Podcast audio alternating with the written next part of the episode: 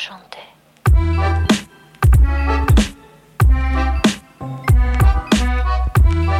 Varmt välkomna ska ni vara till Toto 5. Det är fredagen den 12 augusti och eh, Toto 5 är tillbaka som ni hör. Jag säger varmt välkommen till Petronella och eh, Robin. Tackar, tackar. Och Robin, du är tillbaka till Sveden eller?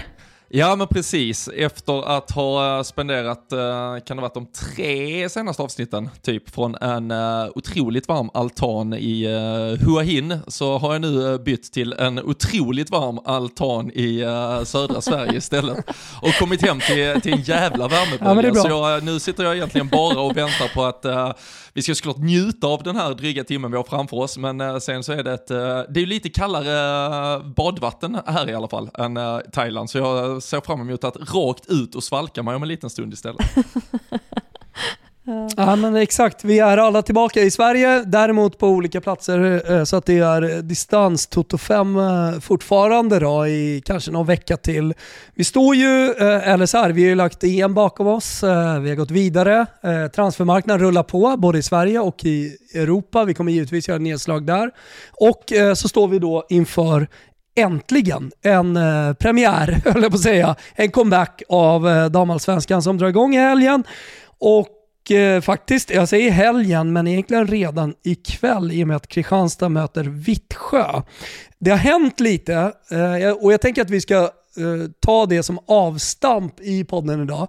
Det har hänt en del i eh, en hel del klubbar och eh, en del stora värvningar. Eh, jag tänker bland annat på landslagsspelaren John Andersson till Hammarby.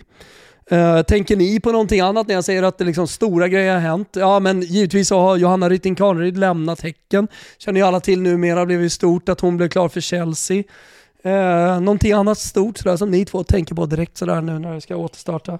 Nej men det har vi ju, vi nämnde ju också såklart Hedvig Lindahl eh, till Djurgården också. Eh, det är faktiskt en match Bra, vi, kan, kan, vi stanna till där två sekunder? Ja, det kan vi göra för vi jobbar också, det är ju match på måndag som eh, jag ska jobba med. Så det är Djurgården mot Linköping på måndag och det blir hennes första match. Så det ska bli eh, superintressant såklart att... Frågan är ju dock, eh, eh, alltså det är intressant, jag vet inte hur intressant det ska bli, utan jag tänker mer att det som är intressant är ju om hon startar eller inte. För Robin, det, det råder lite tveksamheter kring om hon ska spela eller inte eller? Uh, jag vet inte om du tänker på matchen nu här eller om vi tänker mer på om hon ser sig själv som en första målvakt i landslagssammanhang uh, vidare och framåt. Uh, nej men precis. Vi... Jag tänker att det kanske också landar i Djurgården.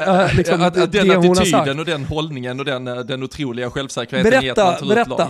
Nej men det var, jag vet inte heller, vi får fan brasklappa om det är någon feltolkning här eller om man missar uh, något, något ord som gör att det låter väldigt felvrängt. Men i, i den här kommunikationen, vi satt ju efter eh, ja, EM-debaclet när vi klev ut mot eh, England med buller och brak och, eh, och pratade om att det väl nog är kanske Hedvig Lindahls sista match vi hade varit med om och att med Jennifer Falk bakom, Cecilia Musovic, ja men att ja, Hedvig Lindahl kanske fick klä skott lite för den generationsväxling vi måste se. Och eh, det var ju ganska då uppfriskande att eh, det kom nyheter bara för någon dag sedan att eh, nej, men det, det, ser ut att bli ett målvaktsskift. Men då tänker man att ja, men då slutar väl Hedvig Linda, alltså väljer hon att sluta då blir det ju en ny eller så är det ju bara en öppen konkurrenssituation och då är det ju upp till Peter Gerhardsson att, att göra det bytet. Men då har ju Hedvig Lindahl gått ut och sagt nu att nej, men hon är beredd att ge upp, alltså hon slutar som första målvakt. Hon slutar inte i landslaget, men alltså man, man vet ju inte hur uttal, alltså har Jennifer Falk vetat alltid att nej, men alltså Hedvig Lindahls jobb är första målvakt i landslaget. Det, det känns också jätteskönt. Har det inte varit en konkurrenssituation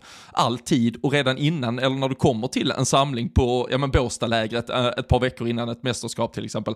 Det, det lät bara väldigt, väldigt uh, konstigt. Men, uh, men ändå, jag, jag, måste ju ändå vara så, uh, jag ska inte vara taskig, men jag tycker ändå att man får säga att det, det är på tiden att hon då ändå så, så vänligt väljer att sluta som första målvakt. Hon har varit otrolig och helt fantastisk. Det är väl 189 landskamper tror jag. Vi får se om det blir en 190 någon gång, även om hon då inte är uttalad första målvakt. Men ja, det var ett, ett speciellt sätt att, ja, inte jag avsluta en karriär, men, mm, men ändå mm. någonting. Ja, men jag, Jag tänker så här, i och med att vi har ju trots allt en elitfotbollsspelare med oss, eh, en före detta elitfotbollsspelare. inte jag. Eller är du aktuell elitfotbollsspelare? Om det Oklart. tvistar de Oklart. lärda. Eh, det är högst oklart. Jag har aldrig sett någon som springer så mycket som du i alla fall.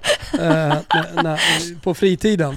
Jag har sett maratonlöpare, jag har sett uh, ultramaratonlöpare, jag har sett Och så har du sett- ökenmaratonlöpare som så springer har du mindre. sett Petra. Lakeroth. Ja, exakt. Eh, och jag har aldrig sett någon filma så mycket eh, när man Nej. springer eh, som du gör heller. Nej, ja, det är fantastiskt. Alltså, Ja, blir, man blir inspirerad. Mm. Jag ska fan gå ut och löpa efter det här. Ja, Men nice. eh, eh, det intressanta här är ju två saker tycker jag. Alltså, det ena är ju hur man kan välja själv i ett lag att så här, jag slutar som första målvakt. Det andra är ju liksom hela essensen av att vara fotbollsspelare. Antingen så krigar man och vill, vill spela fotboll, eller så lägger man av och, och spelar fotboll. Alltså du, du, alltså, du väljer, det- Jag har aldrig hört någon välja mellanvägen att så Och här, fram- nu är jag inte på, vice högerback. nej, inte på Eh, landslagsnivå. Nej, det är väl en Ja. sak att stanna en extra säsong för att fylla upp lite på Då träningsfältet i den klubblaget. spelaren, tänk, Men, men du, gör ju, du kan ju inte säga att då du... är väl den spelaren Ja, inaktuell. men det, det jag tycker är intressant är dels att typ så här, nu tycker jag det är dags att visa att de andra målvakterna får visa vad de går för. Alltså, det alltså jag vet inte, ibland blir det också så här när man uttrycker sig så kan ju tidningar välja och media välja att skriva det hur de vill. Nu ser det ändå ut som att det är något sorts eh, citat som hon ändå har sagt. det, det, det är inte så att de felciterar media Nej. någonsin. Nej. Säga, det har väl hänt. Ja, Men jo. det är inte så att man i ett sånt här läge heller väljer att, eh, eh alltså det- är en sak om man kryddar en rubrik och väljer, dra, drar ut en del av en mening eller en mening eh, och, och sen läser man inte hela texten utan man ser bara rubriken så blir det fel. Men i det här fallet finns det liksom ingen anledning för, för, eh, för media att liksom eh, krydda någonting. Utan. Nej, men, och det, men det jag kan tycka också är så här att ja, nu avslutar jag den satsningen jag alltid har haft mot att vara första målvakt. Där undrar man ju också så här, vad är det som kommer bli skillnad? Alltså vad, vad blir skillnad? För jag kan ju bara gå till mig själv så här att spelar jag fotboll, antingen gör jag det till 100% eller så gör jag det inte alls. Det var ju lite så jag kände inför den här säsongen att ja, men jag är inte där, eller liksom jag tycker annat verkar mer intressant, jag är inte där till 110% och då ser inte jag någon vits med. Men, men just det här, ska man gå in då lite halvdant nu i Djurgården, eller vad är tanken liksom? Eh, det är det jag tycker blir lite konstigt. Och sen det här att nu får jag fler lediga dagar, lediga helger och vara med familjen. Det är ju, där uttryckligen så säger hon så här, då är jag ju inte med i landslaget alls. Alltså det är så oklart att så här, är du med eller ska du inte vara med? Alltså det ja jag fattar inte Ja, riktigt. Så så- jag tycker fortfarande att det är väldigt, det är väldigt oklart. Och sen, precis som ni säger just där att Eh, nu har vi, vi har pratat och jag, är inte längre, jag, jag ska inte längre vara första målis. Och där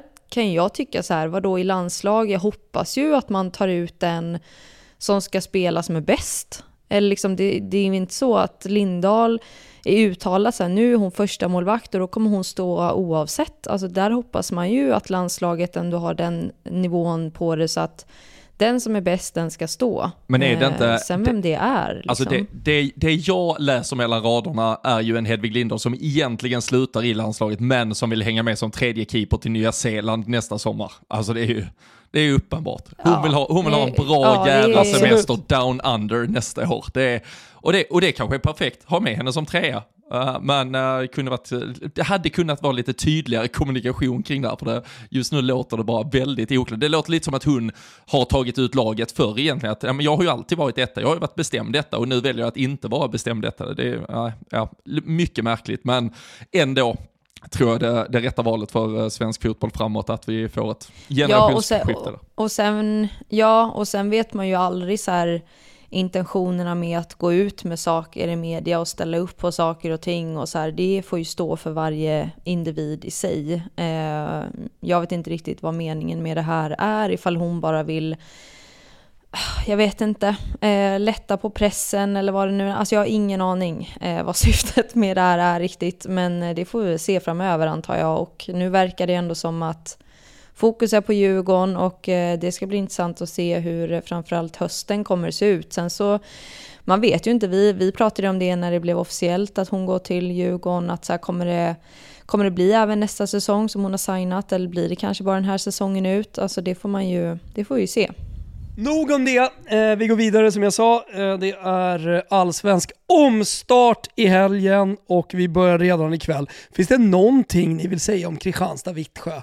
Som ni känner liksom så här, här brinner det lite, här, här får man gåshud. Ja, det är ju ett, det är fan, det är, det är norra, norra Skåne-derby, så, så frågar ni mig här nere, så eh, med den eh, hettan som eh, solen bjuder på så kan jag tänka mig att det blir en förbannat jävla vacker kväll i Kristianstad med kanske förhoppningsvis lite trevlig publikinramning också. Men, men det man kan säga om, ja, kanske inte bara den matchen, men inför hösten generellt är ju att Kristianstad kanske är det laget ändå som eh, eventuellt ska störa Rosengård om det ska bli något eh, kul av en eh, titelstrid. BK Häcken som vi nämnde inför, det är 10 poäng efter, tappar Uh, Johanna Rytting Kaneryd nu här, uh, visst uh, förstärker med en spelare som Anna Anvegård till exempel, vi kommer in på fler, men de, de är för långt bakom. Och Linköping, visst, samtidigt tyckte jag att de kanske vissa matcher överpresterar, jag vet inte om de har det i sig.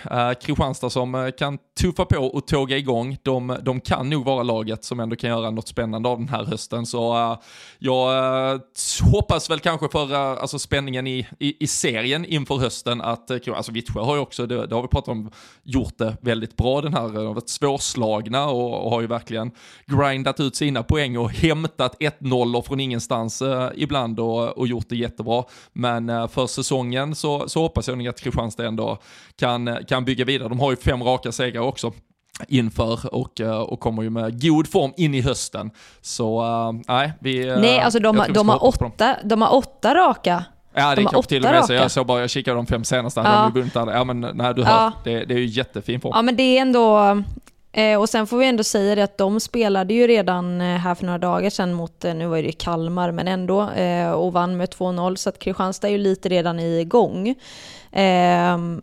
Och eh, jag tror precis som du säger Robin, jag tror att de kommer bli de stora utmanarna och se väldigt, eh, väldigt intressanta ut. De har ju också gjort ett nyförvärv, eller ja, två egentligen ifall man räknar med en ny gammal spelare som kommer tillbaka, eh, Therese Ivarsson som har varit mammaledig. Men sen så eh, jag vet inte exakt, alltså jag har inte jättebra koll på den här spelaren, men en försvarsspelare, kanadensiskt ursprung, men representerar Kamerun. Eh, Ester eller Ister Majokott eh, som kommer eh, kanske då spela ikväll redan, vi får väl se. Men ska tydligen vara en skitbra spelare som kommer från eh, franska ligan eh, och att man verkligen har förstärkt i eh, backlinjen. Så eh, det ser ut ändå som att eh, Kristianstad är ett lag som eh, satsar, eller så här, fortsätter satsa. Vi pratade mycket om dem inför säsongen, men att man nu även inför hösten då förstärker lite ytterligare och eh, ser väldigt bra ut bara. Kristianstad-Vittsjö alltså ikväll, eh, något nyförvärv där eh, och jag tänker det kan ju också eh, ett bra avstamp eh, att eh, utgå ifrån eh, det vi har sett såklart då, men vad vi tror eh, kommer vara den stora skillnaden här i höst. Eh, Hammarby till exempel har ju värvat eh, Jonna Andersson Eh, jag såg att hon eh, redan fått speltid, kommit in i, i gruppen. Eh, vilka är de stora nyförvärven i Allsvenskan och vilket eller vilka lag tror vi liksom kommer antingen tappa, Häcken har du varit inne på Robin, men också så kommer kanske göra en bättre höst sett till vad man har värvat och vad vi, vi tror på, våra subjektiva åsikter. Ja, men där, som du, om vi bara summerar och, och, och, tar några av de största namnen. Då har vi ju nämnt eh, Hedvig Lindahl till Djurgården, vi har nämnt eh, John Andersson till Hammarby, eh, vi har nämnt Anna Anvegård till Häcken till exempel. Det, det, är ju namnen som kanske den, den breda massan känner, känner till sen innan och som, som är spelare som i alla de här fallen kommer gå rakt in och, och förstärka sina lag, även om Häcken som sagt de tappar en Johanna Rytting Kaneryd, men det är ju kanske målskyttet och den här, det här djupledshotet och Stina Blackstenius Hammarbys eh, spetsegenskaper från förr som man har sett att de har saknat under våren, som eh, de förhoppningsvis då ser att de kan få eh, Anna Anvegård att bidra med och eh, just få ett naturligt målskytte där framme som kan göra att de, tittar man, jag tror de har eh, typ 20 mål mindre gjorda än ett eh, Rosengård till exempel. Eh, det är såklart aldrig något som säger en hel sanning om hur resultaten går, men eh, du kan ofta inte göra så mycket färre mål i alla fall än en konkurrent du vill slåss mot. Um, så jag kan egentligen se Häcken, trots då tappet av uh, Rytting Kaneryd, göra en, en bättre uh, höst här. Linköping tycker jag, jag tyckte de överpresterade lite, uh, var inne på det innan, jag vet inte om de har det i sig att hålla uppe det. Hammarby har vi ju sett, de börjar ju få ordning på det mesta efter att vi och allt och alla kritiserar väl dem väldigt starkt under de första 7, 8, 9 omgångarna, men uh, tittar man där så var det också ett lag som började vinna på slutet och uh, jag vet inte om du har uh, fortsatt föra din statistik Thomas, men det är ju fortfarande det här att slå lagen ovanför sig som Hammarby måste gå in och visa att de kan göra nu till hösten. För äh, det, ja, det där med att de skulle vara med och slåss om Champions League-platserna, det är ju inte känslan just nu. Och tittar vi poängmässigt så är det ju fortfarande 10 poäng upp, lite drygt till en tredje plats också. Så det krävs ju ändå en extrem John Andersson-effekt för att det ska kunna bli någonting äh, mer än äh, ja, det som just nu väl med ja, nöd och näppe får klassas som godkänt eller knappt godkänt för Hammarby. Ja, och sen eh, kan vi ju nämna det också att de har ju värvat eh, Simone Boye Sörensen från eh, Arsenal nu senast. Hon spelar ju i Rosengård eh, 2018 har varit ute i Bayern München och ja, nu senast Arsenal. Har ju inte spelat jättemycket med en dansk landslagsspelare som de som kollade på Danmark under EM kanske såg henne spela där, men vi pratar ju lite om eh, inför säsongen vad gäller Hammarby, just så här backlinjen och att det ser rörigt ut där och kanske inte så Eh, strukturerat framförallt i egen box och så, men att få in både John Andersson och Sörensen i eh, de positionerna hoppas man ju ändå kunna förstärka deras eh, defensivt. Så jag tycker ändå att det ska bli väldigt intressant att se Hammarby här nu under hösten och vad man har jobbat på under uppehållet. Eh, mötte ju Linköping va, häromdagen också tror jag, förlorade men eh, gjorde ändå en bra prestation. Jag såg, eh, ja, men jag såg ja, stora delar ja, av matchen. Och, ja. och, ja, och eh, eh, lyssnade lite till vad Pablo sa efter. och jag håller med honom. Han sa liksom att sett till eh, vårens match, som faktiskt var en av eh, Hammarbys största plattmatcher, så, så rycker man ju faktiskt upp så här. Alltså, jag tycker snudd på att man är bättre i laget än, än vad Linköping är. Eh, och det tyder ju på två saker. Alltså visst, eh, värvningar är en sak, men, men att eh, Pablo faktiskt har, har gjort ett helt okej jobb här eh, och att eh, laget fortsätter att utvecklas, det återstår ju att se sen i, i, i tävlingsmatcher såklart också. Jag har ju varit lite kritisk till Pablo också. Eh, sett till den liksom, stora budget som Hammarby ändå har, eh, sett till, eh, som jag tycker, och jag vet Robin, du var ju med mig där också väldigt tydligt, liksom, att det, det, det, från augusti egentligen fram till eh, april där så såg man ju ingen större utveckling utan snarare tvärtom. Liksom, att man hade problem mot de stora lagen och att man inte hade tagit det där klivet som ändå satsningen i sig talade för att man borde ha gjort. Så kanske man ser ändå tecken på att eh, Hammarby faktiskt börjar ta de steg som man måste göra för att närma sig toppen där klubben vill vara. Nej, och uh, jag tänker också, tittar man på uh, Häcken, nu nämnde vi Anna Anvegård, uh, det är också ett, uh, en jävla håll käften-värvning, uh, får man väl faktiskt ändå i, inom, inom, inom vissa mått mätt uh, säga Anna Sandberg som man plockar från Örebro. Vi, vi pratade inför säsongen om att man la vad var det, AIK kommunicerade, det var i alla fall den största värvningen eh, eller eh, övergången de hade gjort på damsektionssidan. Nu, nu ser vi ju att de säljer ut eh, allt de kan, men Rosa Kafaji inför som Häcken köpte som tyvärr ju blev skadad, vi har fortfarande inte fått se henne i, i något seriespel. Men nu köper man även Anna Sandberg från eh, Örebro, uh, ryktas om en prislapp på drygt en halv miljon, så det är också i, i, i de här måtten mätt uh, stora pengar som Häcken uh, lägger på. Hon är väl fortfarande bara 19 år, uh, tror jag, och um, ja, men, otroligt. Och där pratar vi lag som kanske då, alltså Örebro är ju lite i ett eh, no man's land antagligen. De, är, de har 18 poäng och sen är det ju Kalmar på, på 9, Umeå på 7, Brommapojkarna och AIK på 6. Så de är ju antagligen inte involverade i någon bottenstrid och eh, i en damallsvenska som det tyvärr fortfarande för vissa lag är eh, ekonomiskt eh, ansträngt att, att ta sig an så, så är ju detta extremt välbehövliga pengar inför dem och de känner väl kanske att de inte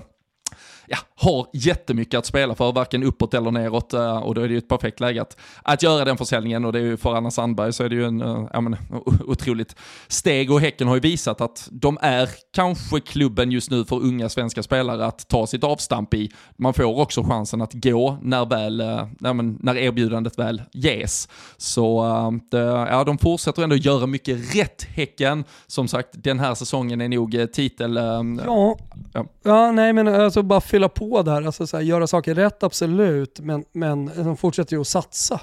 Det är ju det någonstans som eh, eh, har varit eh, röd tråd genom, eh, genom allt det vi har pratat om egentligen alldeles oavsett om det handlar om ungdomsfotboll och flickakademier, eh, England som vinner eh, EM-guld, eh, oavsett vad vi har pratat om, vilken nivå det har varit så är det liksom så här, det må, eh, nu är tiden att satsa ungt, gammalt, eh, eh, låg nivå, hög nivå. Det, det, är liksom, kör nu. Och Häcken visar ju att man vill vara där. Häcken visar ju att man vill vara en klubb som är med och slåss om titlarna år ut och år in. Och även om man tappar Johanna Rytting Kaneryd nu och att det inte håller för en titelstrid hela vägen in i november i år, så vill man vara där. Och det är ju liksom den, för mig i alla fall, ett så tydligt tecken. Och eh, eh ja men eh, tydligt att man vill vara i toppen. Och det, det tror jag också så här, räcker för många eh, unga spelare att komma till Häcken för man visar att man kan sälja dyrt, man kan sälja till de största klubbarna i Europa.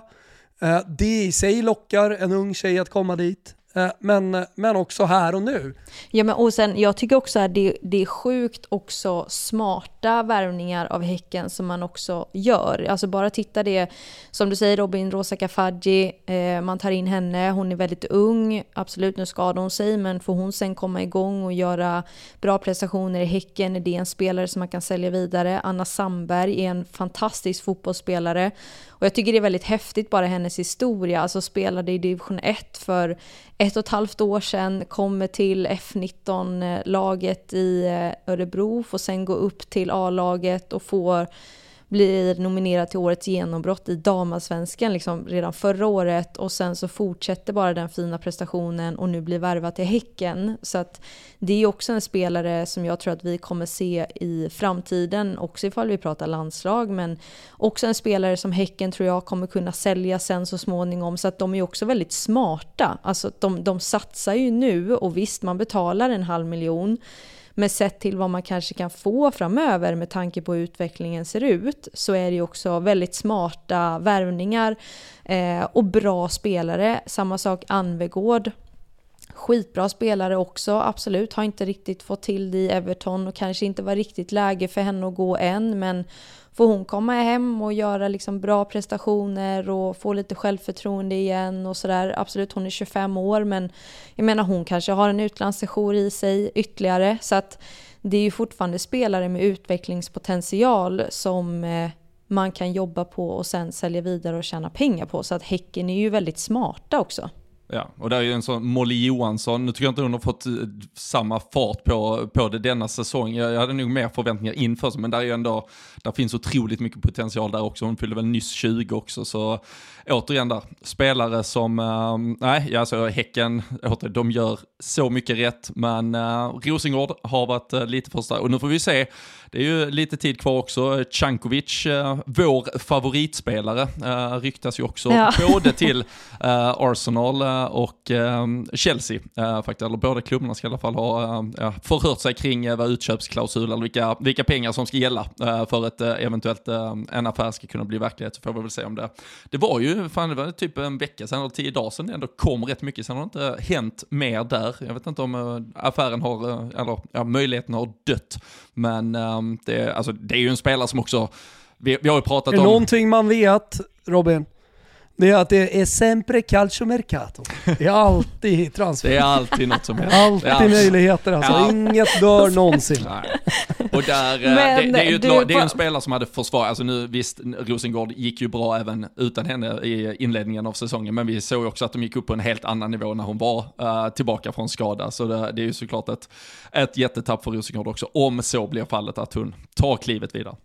Men på tal om eh, alltså Rosengård och du som pratar lite italienska eh, Tobba så eh, är ju vår kära Karin lite. Lundin från eh, Fiorentina har ju faktiskt eh, kommit hem till Rosengård. Henne har vi ju följt Ja, det- det- mycket. Ja men exakt, hon kom till Fiorentina och fick mycket speltid eh, och sen, sen lossnade det väl aldrig riktigt för henne eh, med eh, målskyttet och sen eh, ju längre fjolårssäsongen led desto mindre speltid fick hon. Det var Lisa Ek eh, som tog henne till eh, Fiorentina. Eh, nu tillbaka alltså i Allsvenskan säger du? Jajamän, hon är tillbaka i, i Rosengård och jag menar Rosengård har ju faktiskt också värvat eh, väldigt mycket. Man har ju tagit Örebro in... innan va? Sorry, bara för, eh, Ja, för ja. ordningens skull. Så var det Precis. väl Örebro, eh, Fiorentina och nu Rosengård. Det, Exakt. Det, det är väl en ganska bra klubbresa för en spelare som kanske inte riktigt då lyckas när man kommer ut i Europa men ändå kommer till eh, en Champions League-klubb som eh, Rosengård. Verkligen. Ehm, så kul att se henne här tillbaka i Sverige. Men sen har ju också, alltså Rosengård har ju värvat eh, en eh, mittfältare, Olivia Holt från Fortuna Göring i Danmark och man har även eh, eh värvat en offensiv mittfältare, Gina Chilminski från Tyskland, har spelat i Turbine Potsdam i typ 10 år. Eh, så man har ju förstärkt väldigt mycket offensiven eh, inför hösten. Har även förlängt med Charlotte Grant, men hon lånas ut till Vittsjö. En ung ytterback, så att det har ju hänt mycket för Rosengårds eh, transferfönster under sommaren också. Så jag vet inte om det här, de här värvningarna är ett tecken på att eventuellt Cankovic är på väg bort eller ifall man bara förstärker eh, väldigt, väldigt mycket mer inför liksom Champions League och allt som väntar. Det får vi ju fortfarande se. Nej, och nästan oavsett vad, vad svaret är på den frågan så får man ju också ge cred till, till bra sportcheferi där, för antingen så, som sagt, om du förstärker för, för nästa steg, eller att du då ändå vet att Cankovic kanske ska lämna, men att du ändå förbereder ditt lag för den exiten innan den blir verklighet. Herregud, så många gånger man har sett stora lag eh, också tappa sin stora stjärna, eller de här klubbarna som kanske slåss där precis i ett, eh, i ett litet, eh, ja men något eh, mellan, mellanland bakom de absoluta topplagen så tappar man en stor spelare och så ska du försöka ja, bygga truppen i det hålet som existerar och det, det blir fan aldrig bra nästan. Så uh, lite oavsett vilken eh, väg Rosengård går här med Cankovic, eh, som du säger, att de ändå har lyckats få, få in så pass mycket kvalitet så att du kanske har börjat plåstra lite för det tappet redan innan det sker. Det, det är också, det är också väldigt, väldigt eh, bra och starkt agerat av klubben där. Så eh, de är ju, alltså det är ju klart, Rosengård är väldigt välmående. Det, det är väl inget vi behöver eh, understryka här i detta sammanhanget. Och jag tror, nu blir det ju kul att se. Eh, de, är ju inte, de går ju inte in eh, nu direkt. Kristianstad, eh, Champions League spelar ju faktiskt redan vad blir det, nästa, 18 augusti, vad är det, nästa torsdag uh, har ju de sin uh, första mot, uh, mot Ajax uh, och, och sen så rullar det ju på där så det ska ju bli jävligt kul att se hur de här svenska lagen från, eh, från förra säsongen som då går in i Champions League-spelet nu står sig eh, med, med den explosion av eh, ja, men, talang och, och allt möjligt vi har sett på den europeiska scenen under det här året som har gått.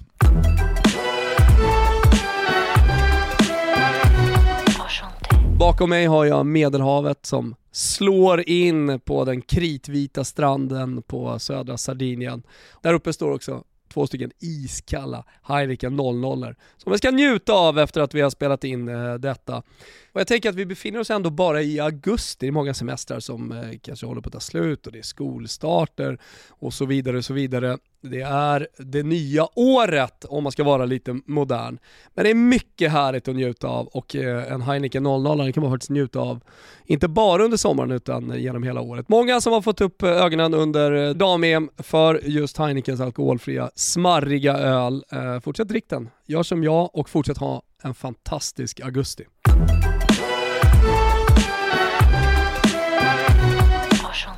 Nej men intressant tycker jag ändå är att se under det här transferfönstret. Vi har pratat redan om eh, nyförvärv och spelare som kommer hem utifrån men jag tycker så här generellt sett så det är ju väldigt många spelare som faktiskt kommer tillbaka. Vi har pratat om många som lämnar eh, och nu då Rytting Kaneryd som går till Chelsea.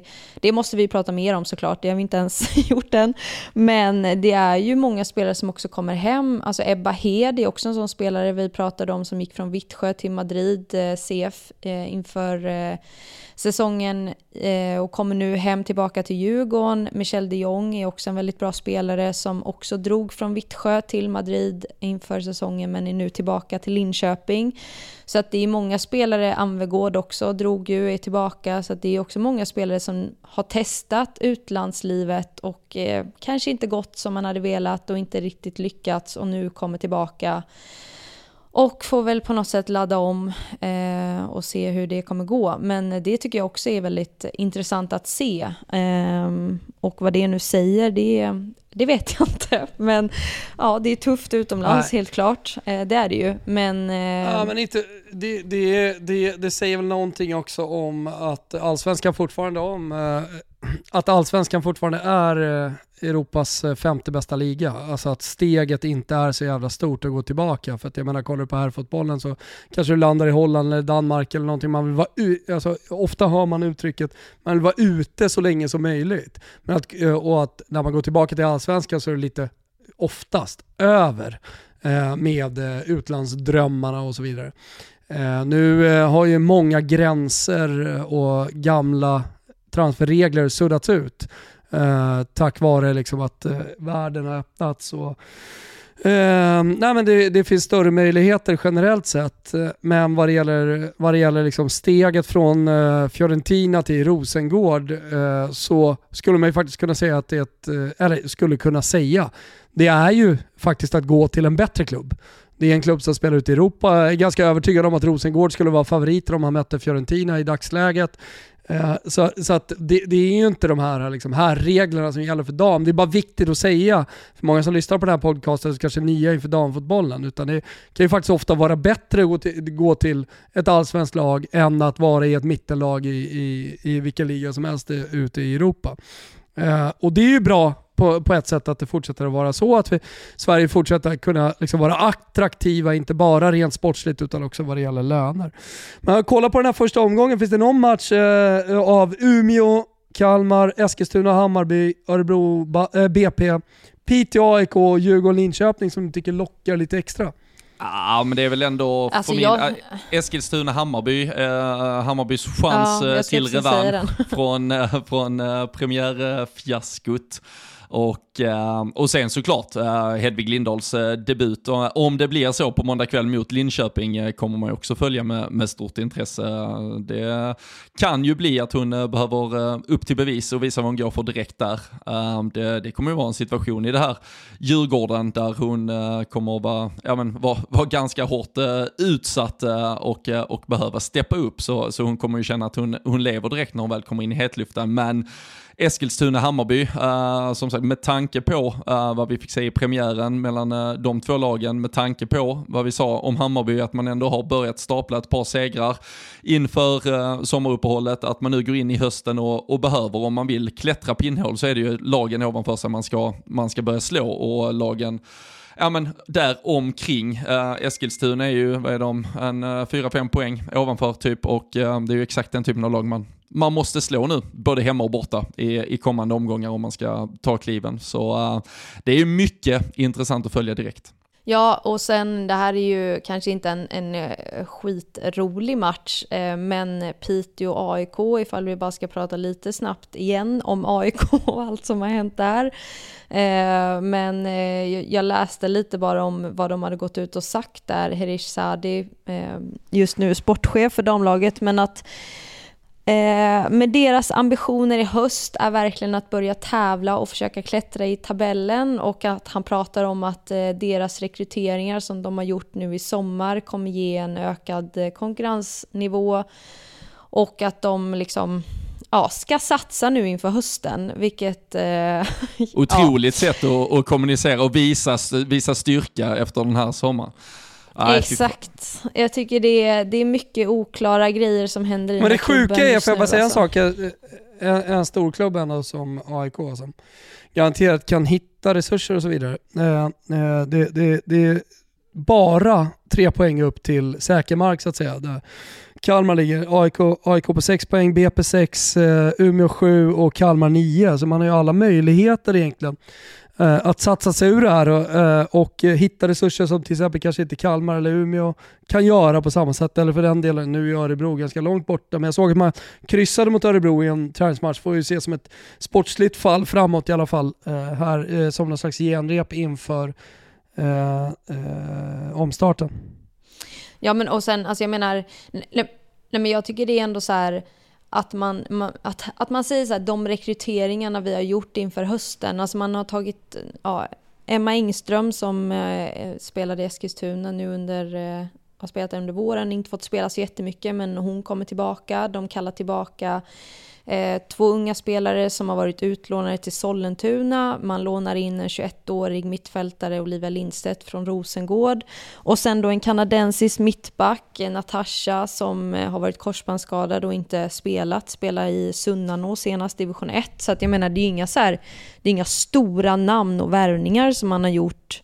För att jag kan tycka så här, det här visar på vilken nivå vi vill ha och vi ska försöka klättra i tabell. Eller förstår ni vad jag menar? Alltså Ja, ja. att det... Och i den, alltså i den, i den, i den ekvationen får du lägga in att, du får dessutom då lägga in att Jenny Danielsson och Hanna Davison har, har försvunnit också i, i ja. Så, eh, och, och där blir man ju också, alltså om vi bara på, alltså snart måste, Thomas ni har väl i Tutte Belutte att man sätter lag i utvisningsbås till slut och vi måste sätta AIK i ett utvisningsbås Verkligen. snart för jag, jag är så jävla trött på, Ja, men vi är faktiskt Ja men, där nu. ja, men jag är Vi så där jävla trött på men, men också där att kring Hanna Davison så var det ju också, ja men det, hon vi var tvungna att ändå låta henne gå för hon kunde ändå inte spela, hon var skadad hela tiden och så gick hon till Rangers och spelade första matchen typ efter två dagar eller någonting. Ja. Det, är också, det är så mycket Ja. som går så fel så nej, ska vi köra ett par veckor i utvisningsbåset och så ser vi när de är värda och tar tillbaka in i värmen kanske lite längre fram. Nej men och sen tycker jag det är återigen väldigt intressant hur också AIK kommunicerar och deras, är det väl klubbchef eller vad man säger framförallt, eh, som pratar om att den här utvecklingen för damfotbollen inte är positiv och att det kommer gå åt helvete i princip framöver och medan alla andra klubbar i princip som jag har läst nu i alla fall bara ser den här utvecklingen som någonting positivt. Eh, Så att det är också så här, vad försöker de? Försöker de bara liksom rädda sitt eget skinn och vill inte sätta någon press på sig själva för att sen bara Ja, jag, vet, jag har ingen aning eh, vad, vad som försiggår bakom stängda dörrar men utåt sett så tycker jag det ser väldigt bara rörigt ut och osammanhängande på något sätt. Med de orden Eh, tar vi oss till eh, det, det största som hänt egentligen i, alltså i rubrikväg i svensk fotboll. Det är att eh, JRK har blivit klar för Chelsea, presenterad som ett stort namn. För jag menar, jag lägger värdering i nyanser i saker och ting också. Um, och jag märker verkligen att det här var en viktig värvning för Chelsea och man märker också att de har lagt mycket pengar på den här värvningen. För annars, det är alltså, allting sammantaget så är det här en stor värvning. Och det tyder på att man sätter stort förtroende och eh, eh, pris på eh, sin nya spelare från Häcken. Och eh, jag tycker det är helt rätt. Alltså, visserligen finns många offensiva spelare i Chelsea, det kommer bli stor konkurrenssituation såklart. Men eh, det är också många matcher som ska spelas under säsong med Champions League och, och, och liga och så vidare. Men lite muskelspänning får man väl ändå säga Robin att, eh, att det är av Chelsea att värva en offensiv ytter på en position där man har starka offensiva yttrar. Nej, ja men återigen, och det här visar ju, vi kan, eh, och vi, vi lär återkomma, om vi inte gör det idag så lär vi väl återkomma längre fram kring hur eh, ja, men den engelska eh, Women's Super League har Ja, men har förstärkt under sommaren eh, och eh, man ser spelare, det behöver inte längre vara eh, stjärnspelare, det behöver inte vara spelare för startelvan nödvändigtvis, det kan vara spelare 13, 14, 15, 16, 17 också som, som numera faktiskt är namn som vi alla känner till. Och i detta fallet så handlar det om ett, ett Chelsea som bygger en, en trupp som ska slåss om eh, att såklart eh, försvara titeln, att eh, hålla Arsenal bakom sig, hålla City bakom sig, United bakom sig, lagen som också förstärker och sen då på allvar utmana i Europa. Vi, vi såg lite, det var lite diskussioner märkte man under, ett, under sommarens mästerskap, till exempel Barcelona-spelarna, vad de, var de trötta hade blivit för mycket matchande och, och fast då att de gick och vann med 17-0 varenda match i stort sett så, ja, det tär lite på. Du måste på ett annat sätt börja bygga trupper där ute i Europa nu också. Och eh, det, det, det jag ser Chelsea göra är ju just det, för som du säger med spelare, såklart en spjutspets i en Sam Kerr, men också Pernilla Harder, eh, en Frank Kirby, eh, Aaron Cuthbert, eh, Guru Guro Reiten som är på, alltså spelare som kan spela i offensiva positioner precis bakom. Och de har ju inte, det som är fördel kanske för Johanna Rytting är ju att hon inte hon är inte så lik, alltså det kan såklart också bli hennes fall här, för hon är inte så lik någon av de andra spelarna. Hon har vissa spetsegenskaper som man inte riktigt ser hos de andra spelarna. Så jag, jag tycker att eh, jag tycker det är ett vågat val. Jag, jag skojar såklart lite i våras eh, när jag tyckte att hon skulle gå till Liverpool. Det, det hade varit ett eh, steg för långt ner, absolut. Men kanske att, alltså så här, när Chelsea lägger kontraktet på bordet, när det ligger ett, vad blev det, tvåårskontrakt eller treårskontrakt till och med, uh, två, ett, skitsamma. Men i alla fall, de är beredda att lägga pengarna på henne, visa att de satsar på det. Det är klart hon ska ta den chansen. Men eh, det, det, han, det ligger på henne nu att eh, bevisa att hon ska ha speltid. För det är inte så att hon är inte värvad som att gå rakt eh, som en spelare som, hon är inte på Hedvig Lindahls nivå att hon kan bestämma att hon är ordinarie startspelare helt enkelt. Utan hon kommer behöva kämpa som fan för det och det kommer vara tuff konkurrens. Men kan hon komma in med sina spetsegenskaper och visa i det här Chelsea-laget att hon kan bidra med saker som de andra inte kan, ja, då kommer hon ju kunna vara en nyckel i vissa typer av matcher. Och eh, som sagt, återigen, vi bygger trupper nu på den här nivån och eh, hon kommer ju få sin beskärda del av speltid. Så eh, det är ju en häftig värvning och eh, det sätter ju bara ännu mer eh, ja, glans på, på det som jag tror kommer vara den ligan vi pratar mest om kommande säsong. Ja, men och sen någonting jag tänker också väldigt mycket på som jag tror varför Chelsea är ett väldigt bra val, det är just Emma Hayes också som tränare.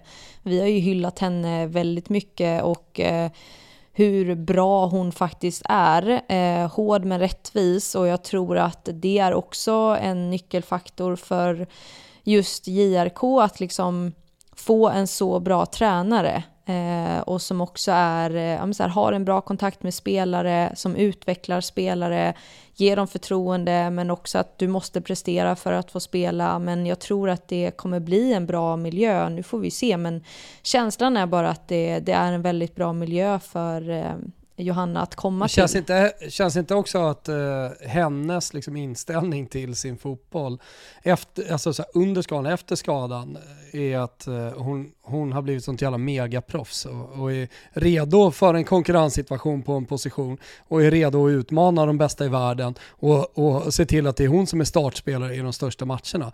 Eh, jag tycker också under EM att hon liksom bevisade lite det i hennes sätt att prata med media, i hennes sätt att ta sig an liksom, matcher och, och sådär. Ja, och det får du ge. Alltså, det är en spelare som med, med två korsbandsskador bakom sig, alltså, hon har ju haft, eh, för, för bara ett par år sedan så kände hon ju kanske att det här var en fotbollskarriär där det inte skulle bli någonting av och sen istället så får du den här utväxlingen och plötsligt så har du kontraktsförslaget från Chelsea på bordet.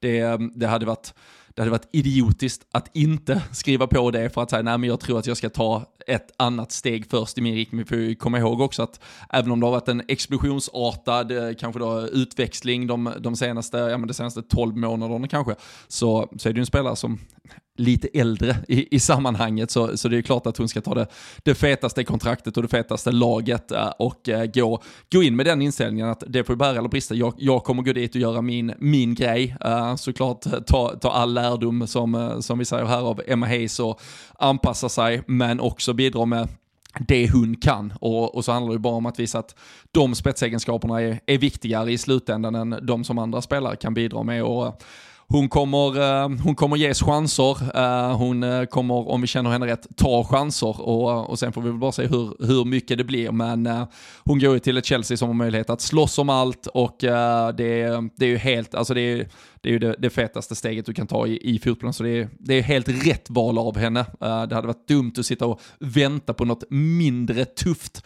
bara för att man skulle vara rädd för konkurrensen. Den typen av spelare har vi ju lärt oss att hon inte är heller. Och i övriga Europa då, som fortfarande håller på med försäsonger, fortfarande håller på, de har knappt dragit igång höll jag på att säga, men, men äh, finns det några stora värvningar eller stora rubriker som du tycker sticker ut? Vände vi eh, Janice van der Sanden till Liverpool? Det gjorde vi va? Jag tror jag fick med henne ja, i förbi, Robin och... förbifarten. Att, äh, både, Tre gånger! Ja, både Koivisto och, och van der Sanden där äh, framförallt. Nej men det är ju ett, ja, ett Liverpool som... Ja. Äh, Vet du vad jag minns Robin? Vet du vad jag minns Robin? Att du, va, du sa ja, van der Sanden klar och Koivisto. Men du var inte nöjd. Så att jag, jag kommer mycket väl ihåg eh, hur du liksom pratade om det. Att det, det räcker inte för dig. Nej, du vill upp direkt. Du har fått någon jävla Liverpool-hybris liksom. Det är de bästa spelarna i världen som ska komma. det är titelstrid direkt för att ni ska vara nöjda. Ja, men du, jag kan säga, jag nu även på dam. Ja, ja och jag, alltså, efter att jag har suttit typ sju timmar idag sedan jag precis kom hem på min semester och bråkat med Liverpools uh, ticket office på, på här så känner jag att jag kanske ska skita i hela den klubben och byta klubb.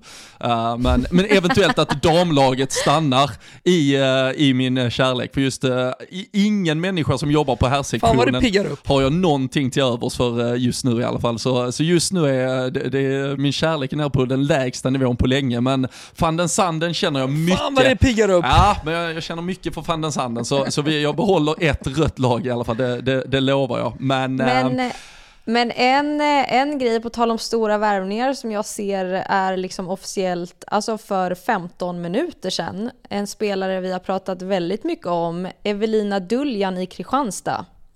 Vad tror ni att hon har gått utomlands någonstans? Vart hon går någonstans? Inter. Juventus. Är det sant? Ja. Vad tycker du om den värvningen då?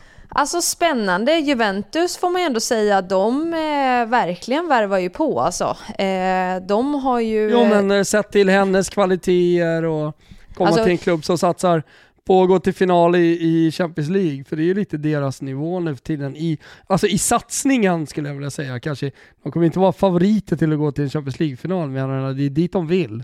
Men det är ju en, eh, alltså jag, jag pratade ju väldigt gott om henne inför säsongen och att det är en spelare som jag tror väldigt mycket på i framtiden och som har en unik spelstil. Har ju kanske, alltså hon har inte spelat så jättemycket i år i Kristianstad, gått lite upp och ner, men eh, väldigt spännande ändå att se att hon eh, går till Juventus nu och vad det kommer innebära. Ehm, ja, intressant. Eh, Juventus har ju också det har vi nog inte nämnt kanske, men man har ju också värvat Sara Björk Gunnarsdottir bland annat från Lyon. Eh, isländska spelaren. Eh, så att Eh, Juventus tror jag verkligen blir att eh, räkna med i år. Det ska bli skitspännande att se dem ta nästa kliv, framförallt i Europa, precis som du säger att de satsar ju i Champions League, 100 procent. Och en annan, annan klubb för att nämna därifrån är Roma som fortsätter att ta mm. kliv och, och, och, utmana och de eh, tog ju faktiskt ett jävla eh, steg mot att eh, faktiskt kunna ta en scudetto förra säsongen och de lär ju ha fått mer smak från det. Så att, ja, det blir, Aslani ska blir, se blir kul att, att föra lite, med de internationella linjerna. Ja, och Aslani ska ju se ah, till ja. att det blir lite uh, show borta på uh, Milanello också. Uh, så uh, för jävlar. Alltså, man, vet ju, man vet ju att Milan tänker att de har värvat kvinnliga Ibrahimovic. Man vet ju att de liksom har pratat sånt. Ja, Vem där sitter absolut eh, några gubbar på kvinnliga ett, motsvarigheten. ett kontor och, och vill, vill köra ut marknadsföringen nu. Absolut. Det, de, de får ja, nog ja, dubbelkolla det med Asllani först bara. Hon är inte skitsugen på de liknelserna längre. Tror jag. Ah, jag tror inte det. Ah, jag tror inte det. Jag tror inte det. Man vet ju att, att diskussionerna liksom hålls. Va? Är det här kvinnliga Ibrahimovic? ah, fy fan. Tog väl nian ah, nu också men i alla alltså, fall. Blev väl officiellt. Har vi, ens, har vi ens sagt att, eh, sa vi förresten att Giacinti, vi pratade ju mycket om henne, gick ju från Milan till Fiorentina i våras, nu har ju hon gått till Roma. Så nu har ju hon varit i liksom Exakt. tre klubbar, men eh, klar för Roma. Så att, alltså, på tal om just att Roma satsar och så, alltså det, jag tror italienska ligan, eh, det ska bli kul att följa den eh, kommande säsong också.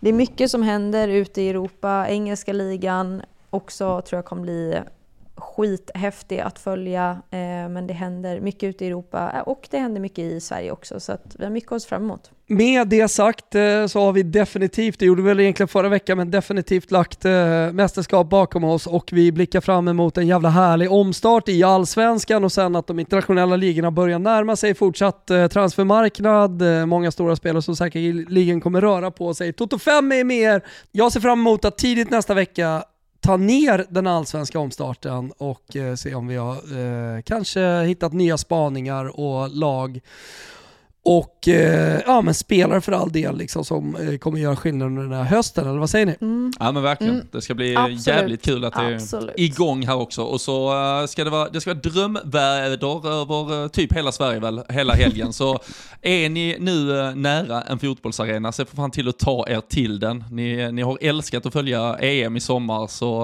gå och se lite livefotboll också. Det är väl uppmaningen härifrån. Nej men verkligen, eh, stort tack för att ni lyssnade. Berätta för alla ni känner och några till om att Toto 5 finns där ute. Det är höstens podd att lyssna till eh, och vi ser jävligt mycket fram emot att höras nästa vecka igen. Ciao! Det gör vi. Ciao! Ciao!